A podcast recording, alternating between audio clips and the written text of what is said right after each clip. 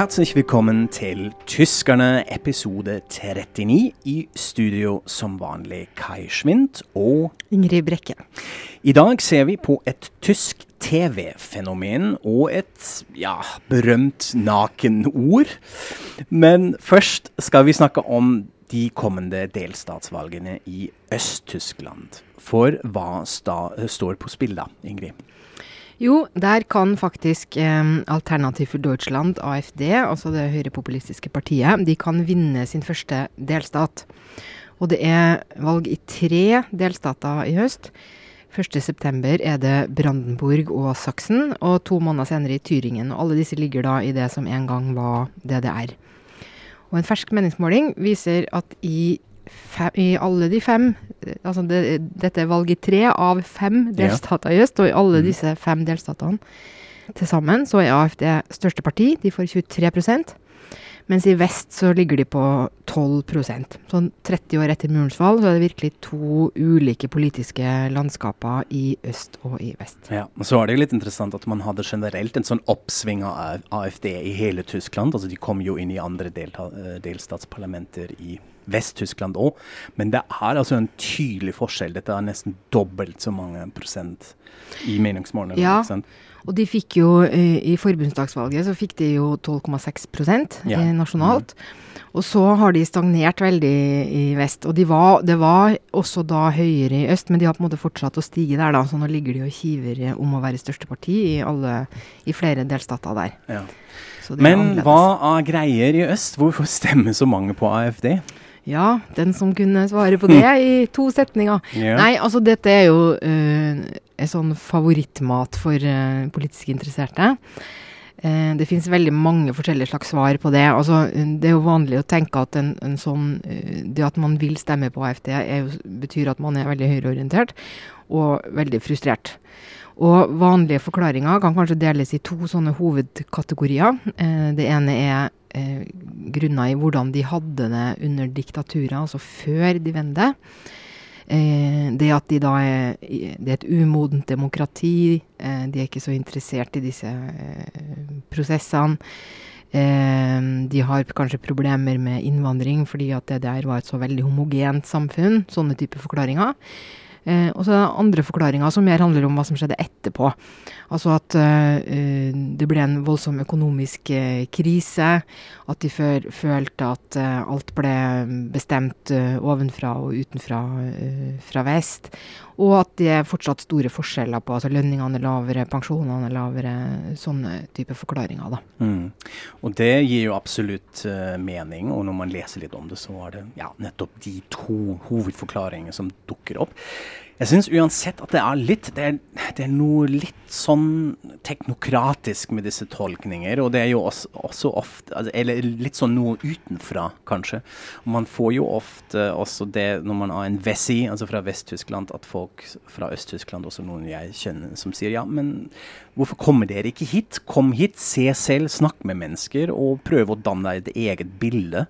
Uh, og se hvordan det virkelig egentlig er her. Og jeg tror det er helt sant at man uh, gjerne ser litt utenfra på Øst-Tyskland, i hvert fall fra Vest-Tyskland. Uh, og Det er også derfor jeg var litt glad at vi oppdager en veldig kul dokumentar på ZDF, på tysk TV, som ligger fortsatt da på Mediateket, og som vi også skal dele på Facebook-siden vår. En dokumentar som nettopp prøver å få svar på disse spørsmålene. Hvorfor stemmer så mange mennesker i øst på AFD. Er det noe spesielt med, med det der? Og så går de litt mer i dybden. Uh, egentlig angående de to hovedforklaringene som du også var uh, inn på. En ting som jeg egentlig aldri har tenkt så mye på, som ble også nevnt i dokumentaren, er at denne, ja, denne antifascistiske utdanningen i DDR har egentlig aldri fungert ordentlig. Altså, det vil si at man ikke har tatt et ordentlig oppgjør med nazitiden i Øst-Tyskland. Fordi man hadde alltid koblet sammen uh, fascisme og kapitalisme. Så da var det tydelig klassefienden sitter vest. Det er der de nazis var, og det skjedde egentlig ikke her hos oss. Og så blir man kanskje litt ja, tatt på fersken etter murens fall, når en del retorikk og sånn dynamikk begynte å dukke opp, som pusher folket veldig mm. til høyre, som man ikke var forberedt på. Ja, og jeg tror altså det, det har vist seg eh, nå altså Nå syns jeg de siste årene at man faktisk har begynt å snakke om denne problemstillinga, og hva som er forskjell på øst og vest på en litt uh, annen uh, måte enn før. da. Noe som var tydelig i den uh, dokumentaren, men som også viser seg i at nå er det mange flere, særlig unge, da, fra øst selv, som, som gir stemme til å forklare hva de tenker på som, som årsaker til at det er sånne forskjeller. Eh, og, og, at det har mye å gjøre med manglende oppgjør, eh, med, for så vidt med nazitida, som du nevnte, men også med kommunisttida. Og så hørte jeg jo nå eh, Det er en som heter Jana Hensel, som er, som er forfatter, som eh, tilhører den Jeg vet ikke, hun er kanskje ja, jeg skal ikke gjette, men la oss si rundt 40, da. Mm -hmm. eh, så hun var liksom så vidt Hun var ikke voksen engang da, da muren falt.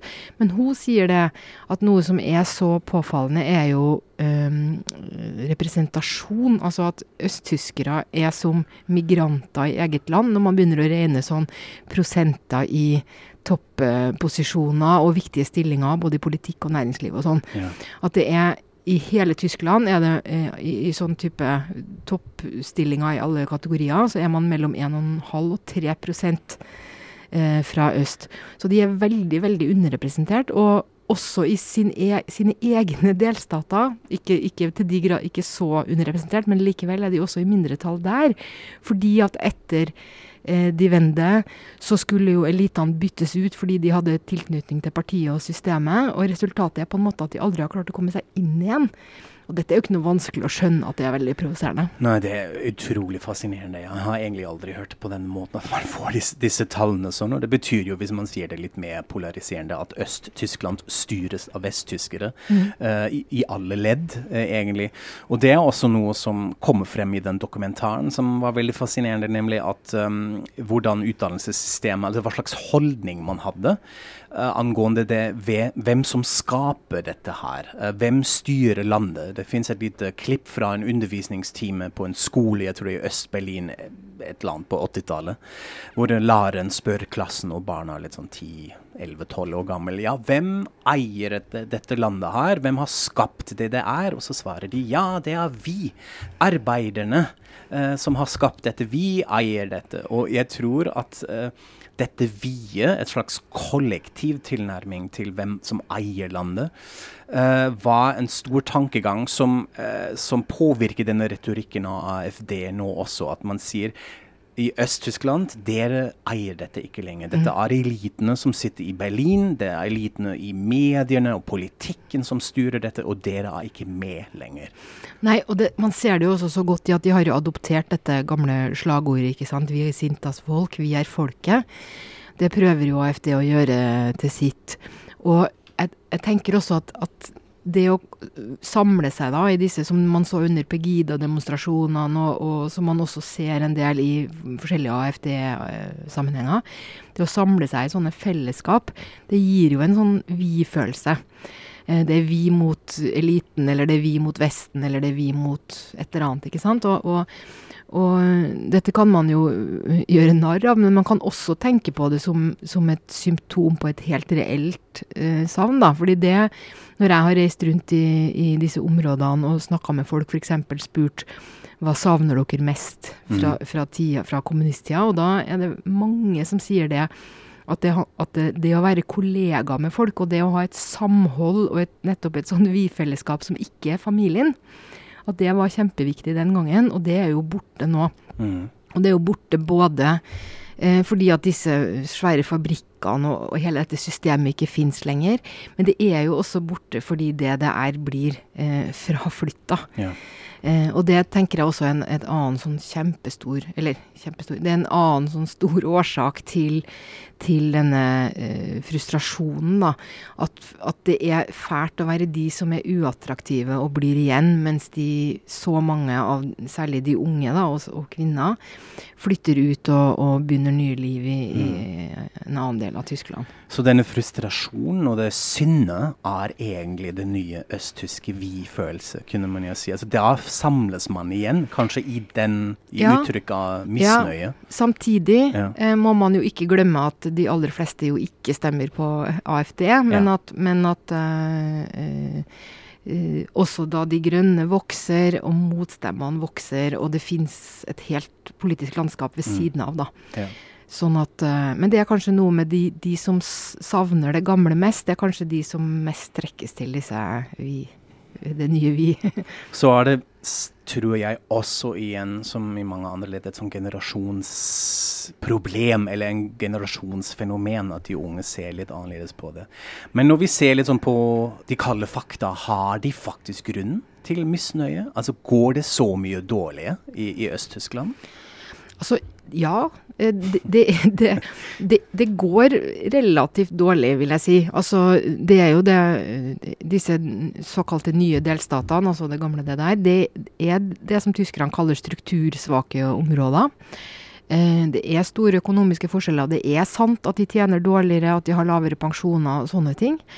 Um, og det er f.eks. også sant at de nesten ikke har arv. Og det er også et, en sånn kjempeforskjell som man ikke tenker på i det daglige. Men, men i Vest-Tyskland så arv betyr mer og mer for hver, hvert tiår, på en måte.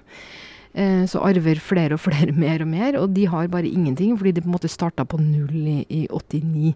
Så det er mange sånne ting. Og, og dette også med hvordan næringslivet ble behandla rett etter de vende, at da kom disse Trojhand-anstaltene, som er veldig Det er veldig mye snakk om dem nå, veldig mye mm. kritikk mot dem nå. Kom inn fra Vesten og ofte overtok fabrikkene og demonterte dem, solgte ut delene. Folk mista jobben, fikk kanskje aldri jobb igjen. Men alltid når man sier disse tingene, så må man ikke glemme at dette var eh, det, Østtyskerne var med på det selv. Altså, de ville jo ha denne gjenforeninga så fort som mulig, de også. I hvert fall de fleste.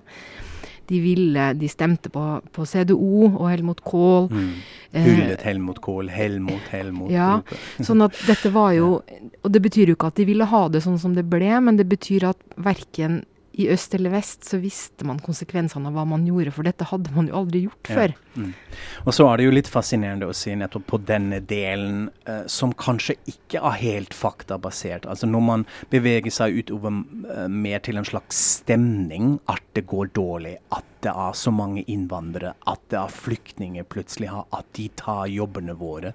Og da kommer man inn i et, i et område som jeg syns er veldig fascinerende, og det minner meg alltid uh, på et sitat fra Heiner Geisler, en sånn stor, gammel CDU-politiker, som sa in der politikk sind Emotionen Fakten i politikken er følelser, fakta, ja. som er en utrolig smart observasjon. Uh, og som da også påvirker dette. At vi har, her er det egentlig med en sånn stemning, en sånn gjensidig opphissing, som påvirker hvordan vi ser på det, og som da også påvirker hvordan politikere svarer eller ikke svarer på, på det som man oppfatter som et problem. Uh, så det er jo veldig spennende å se. Og da kommer vi jo kanskje til et spørsmål hva er konsekvensene av dette? Hvordan skal man takle disse valgkampene? Hva er, og, og, hva skjer hvis AFD virkelig tar hjem sånn gigaseier? Ja, altså først så det, det, er jo veldig vanskelig å svare ordentlig på det, fordi det er en litt sånn ny situasjon. Men man kan i hvert fall si at det blir veldig vanskelig å danne regjering. Så lenge man har dis, denne skikken at det, det, er, eh, det skal være flertallsregjering, det skal være det største partiet som danner regjering, så har jo alle sagt at de vil ikke samarbeide med AFD, så hvis AFD blir størst, så blir de jo, er de på en måte ut, og så må det nest største partiet danne regjering, og så ender man kanskje med sånne koalisjoner hvor nesten alle må sitte og sånn, som egentlig er helt forferdelig. fordi at det, det, ødelegger også litt sånn Altså hvis du får sånn teoretisk koalisjon CDO De Linke, da, som jo har allerede mm. vært debattert i Brandenburg f.eks. Ja.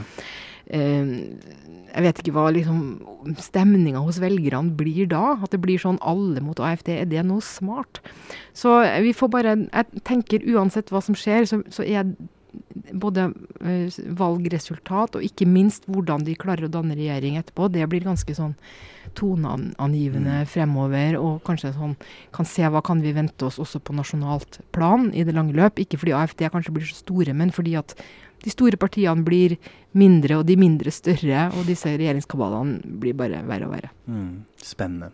Vi skal følge med. Da skal vi over til eh, noe ja, kanskje det er også veldig Det er kanskje mer spennende, eller i hvert fall er det spennende på en helt annen måte, ja. nemlig Tatort. Ja. Tatort TV-serie. Altså, det er jo egentlig strengt tatt ikke en serie, men en TV-fenomen, la, la, oss kalle det dette.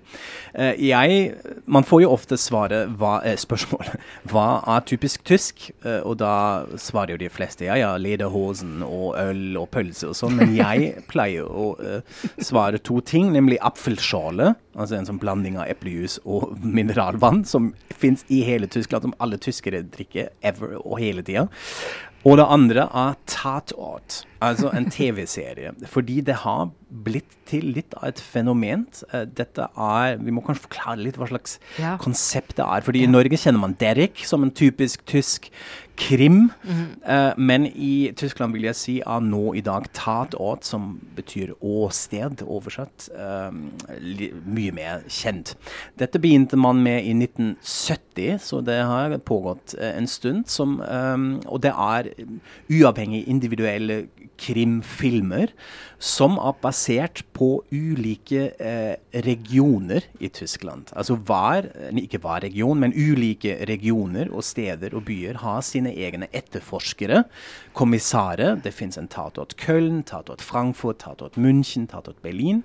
Og de etterforsker eh, i sin miljø. Og så vises eh, dette søndag kveld kvart over åtte, tysk primetime eh, TV, og da går de løs på helt ulike eh, krimsaker som skal etterforskes, som har da veldig ofte et sånn regionalt preg. Altså at de utspiller ja, seg i en er det dette rare med at eh, F.eks. Berlin, da, uh, bare for å forklare enda mer dette mm -hmm. konglomeratet nesten av disse krimseriene. At kanskje Berlin lager fire i året, mm -hmm. og så lager uh, Köln fire. Og så sendes de hver søndag, men hver tolvte gang er det da Berlin. Eller, ja, altså, ikke sant? Sånn at, man rullerer litt. Ja, man mm. rullerer. Sånn at mm. de som er veldig opptatt av dette, og det er jo mange, mm. de holder jo orden på tolv forskjellige, eller hvor mange forskjellige det er akkurat nå. Ja.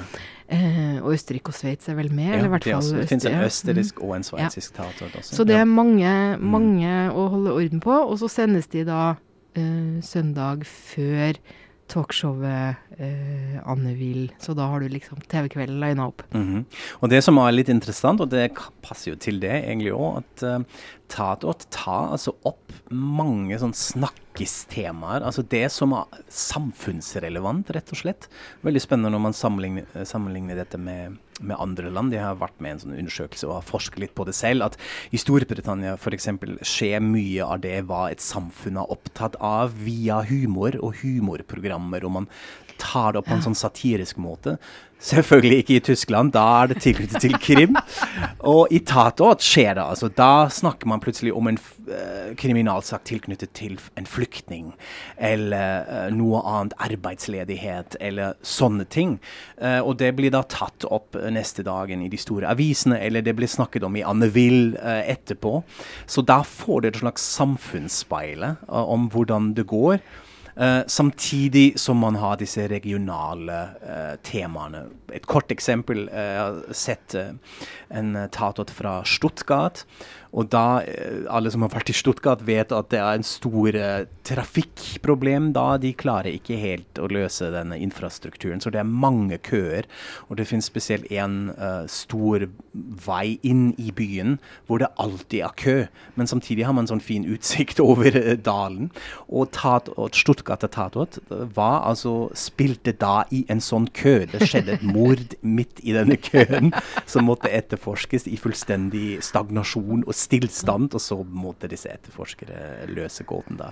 Så det er et sånn typisk uh, eksempel. Ja, for jeg syns det har vært veldig fascinerende å se akkurat det der at et problem dukker opp i Tatort. Som, altså et problem blir gjenspeila i Tatort, og så diskuterer man det i, i talkshows etterpå. Altså at man på en måte lar fiksjonen sette politisk dagsorden, da. Det syns ja. jeg er veldig ja, det, Men det, samtidig må jeg jo si at jeg, jeg syns også det har vært litt sånn irriterende. Kan ikke engang bare krim? Kan ikke det bare være underholdende? Nei. Også det må liksom handle om et eller annet sånt grusomme virkelighetsgreier, da. Men det er noen unntak. Altså, jeg tror det kanskje er i Hamburg tatort hvor de har noen en leg... Altså det, det, er noen som bare er veldig fjollete. Ja, det er, det er mye mors, mønster, ja. Det er mye morsommere enn ja, de andre. Det er mye og det liker jeg veldig godt. Ja, og så har man ofte litt sånne duo, altså en mann eller en kvinne, så man prøver litt sånn ulike form- og sjangergrep også. Man leker litt med formen. Jeg har sett den siste fra hjemmebyen min, uh, hvor man hadde et slags sånn Groundhog Day-scenario, en sånn kjent Hollywood-film, hvor i den Frankfurt Tatort en kommissar våkne om morgenen, skulle til åstedet og ble skutt. Og så våkner han igjen og opplever akkurat det samme flere ganger til han løser denne gåten. Så det er sånne ting som, man, eh, som viser litt at man er ganske selvsikker uh, med det uh, formatet. Ja, og så er det også blitt noe som unge, den unge generasjonen har med. Det finnes jo sånn tatort viewing party, så man, man, møtes på en kneipe og ser på tatort sammen, og man snakker om det, dette mens man drikker apfelschorle. ja, jeg har jo vært på tatortkneipe ja, i Berlin. Mm. For kan, man kan jo bare uh, google det eller se på sånn uh, bymagasiner og sånn, og så har de sånne lister, da. Ta, tatortkneipen her og sånn. Mm -hmm. Og da var jeg på en i, i Prenzlauer Berg, og det var jo kjempegøy, for det var jo selvfølgelig stappfullt. Og så satt det masse folk og strikka og drakk te. Jeg så ikke så mye sånn apfelskjølle, men det var liksom øl eller te. Ja. Men det var veldig sånn kos, da. Så stue? Ja, litt, sånn, ja, litt stue, mer sånn stue enn det mm. ofte pleier å være. Ja. Så det var veldig, veldig stas. Ja, og sånn var det jo eh, var det ikke når jeg var yngre, i hvert fall. Liten fun fact, fordi jeg var faktisk med en innspilling av en ah. tateart i Frankfurt. Jeg jobber som prodass, produksjonsassistent, ved siden av studiene. Og da var jeg med i en innspilling i seks uker, døgnet rundt. Og da, på denne tiden, var Frankfurt Tator ganske kjedelig. Med en sånn kjedelig etterforsker som hadde sånn sløyfe og var litt sånn kjent for å være kjedelig. Og akkurat sånn var det også. Så på den tiden var det ikke så gøy. Men uh, akkurat nå er det virkelig spennende hva som skjer um, av og til. Og apropos DDR og Øst-Tyskland, det vi har snakket om, så finnes det jo faktisk en tilsvarende format som de hadde i DDR, nemlig Polizeiruf 110. Ja. Altså politianrop uh, 110. Uh, som fortsatt fins, som de fortsatte med etter uh, murens fall. Og av og til er det litt sånn crossover også, at Tatort-kommissarer jobber sammen med Polizeiruf-folka, og, og, omvendt. Så det er veldig interessant. Ja, og jeg hørte jo uh, at også også der gjorde de akkurat dette, la oss speile samfunnets problemer. Ja. At i, i DDR-tida så var det ganske mange av disse eh, episodene som handla om alkoholmisbruk og alkoholtilknytta kriminalitet. Og det mhm. var egentlig ganske sånn tabu ellers i samfunnet. Mm -hmm. Men her var det da en liten kanal. For å ta opp dette. da. For, for ta det opp. så hvis man vil finne ut noe om Tyskland, må man binge alle Tatort-episoder siden 1970 og Polizeirover 110, så vet man alt om det landet, på godt og vondt, av min litt flåsete hypotese her på slutten. Så det kan vi anbefale. Kanskje vi lenker litt til noen Tatort Best of sånn på Facebook og sånn. Det må vi klare. Vi får se. Ja. Da blir det dagens ord. Ja. Og også det har jo da litt sånn DDR-relevans. yeah. eh, det er nemlig FKK. Um, som betyr uh, Freie Körperkultur. Ja. ja. En forkortelse. FKK. Ja. Uh, ja som ja. står for dette. Fri kroppskultur. Ja. Hva er det for noe, Ingrid? Nei, det er jo å være naken, da. Og det eh, ordet har blitt eh, Det forbinder man jo mest med nettopp det at i DDR fantes det en veldig utprega sånn eh, la oss bade nakne mm. ute i naturen-kultur og som fortsatt i dag er veldig tydelig. Hvis man reiser langs Østersjøen, så kan man se sånne skilt, og der står det ikke nudiststrand, men det står tekstilstrand. For det er da strender der du må ha på deg klær, og mm. alltid ellers så er det, liksom, mm. er det jo greit. Ja. Uh, og grunnen til at jeg kom på dette nå, det var at jeg leste et uh, veldig morsomt uh, Facebook-innlegg fra Vladimir Kaminer, som er en en av mine eh, favorittforfattere, som også mm. kan anbefales til alle som ja. vil lære seg å lese tysk. Kjempebra. fordi at uh, han er jo opprinnelig russer. Mm. Så han skriver veldig enkelt tysk i sånne korte setninger, lett å forstå. Og så er han veldig morsom på Facebook, og alle ja. kan følge han der. Og der fortalte han at han hadde vært ved Østersjøen i sommer sammen med en eh, fotograf for å lage en dokumentar. Og da hadde de selvfølgelig observert dette FKK-fenomenet, og Kamener hadde da sagt at han trodde at det var sånn i DDR fordi at alt var forbudt. Altså du kunne ikke si hva du ville, du kunne ikke reise hvor du ville, ikke sant. Men det du kunne, det var i hvert fall å vrenge av deg klærne på stranda og liksom bare holde på. Og så sier denne filmfotografen, da, som er en vesttysker, og jeg trodde det var sånn fordi at de hadde så dårlig eh, badetøy. Så dårlig at de ikke hadde råd til badetøy, og at det var så dårlig badetøy. Det oh God, for en vessig ting og å si. Og da ble det et kommentarfelt som også er verdt å oppsøke da, eh, på Facebook. Men det er interessant at man drar inn nudisme som et slags subversiv holdning, eller representerer fattigdom. det er altså veldig tysk å diskutere dette på den måten. Men det er litt interessant, men det er jo en sånn klisjé som man får når man reiser i utlandet. The Germans and the nudism. Litt mhm. sånn, Hva er det med, med dere som liker å bade mhm. naken? Eller har også dette litt sånn, sånn nudistkolonier hvor man må gå rundt naken, og det er butikker, og man skal bare gjøre alt naken. Det er jo litt sånn dorky og rart. Ja, for det er jo nettopp Det er jo tysk ikke det det er. Det er jo mye eldre enn ja. det det er, og det mm. er påfallende og fortsatt eh, Så det er jo sånn Jeg har jo hatt mange venner jeg som har vært på et eller annet hotell så skal de bare ta litt badstue, og, og, så må man være naken i badstua sammen, begge kjønn. Ja, ja. Mm. Og dette er jo spesielt. Det er annerledes enn uh, Dette driver vi ikke med i Norge. Ja, så det er, det er et slags fenomen. Riktig. Jeg har vært i badstue med begge kjønn, uh, og ikke tenkt så mye på det, egentlig. Men det er sant. Det er vel okay. det Tyskere tenker ikke så mye på det. Nei, jeg sitter jo naken her nå, så det er, det er rart for deg, men det er du vant til etter disse episodene. Ho, kanskje. Nå vet jeg ikke hva jeg skal si. Nei, nå rødmer du litt. Men det er helt OK. Det er jeg vant til. OK. Men da runder vi av, tror jeg, før ja, dette det eskalerer litt her. Uh, veldig uh, hyggelig uh, å snakke med deg, Ingrid, som alltid. Og kult at dere følger med og hører på oss. Dere må følge oss på andre kanaler, f.eks. på Facebook, hvor vi legger ut masse. Lik og del, anbefal oss videre. Og så snakkes vi snart igjen. Auf Wiederhøen. Auf Wiederhøen.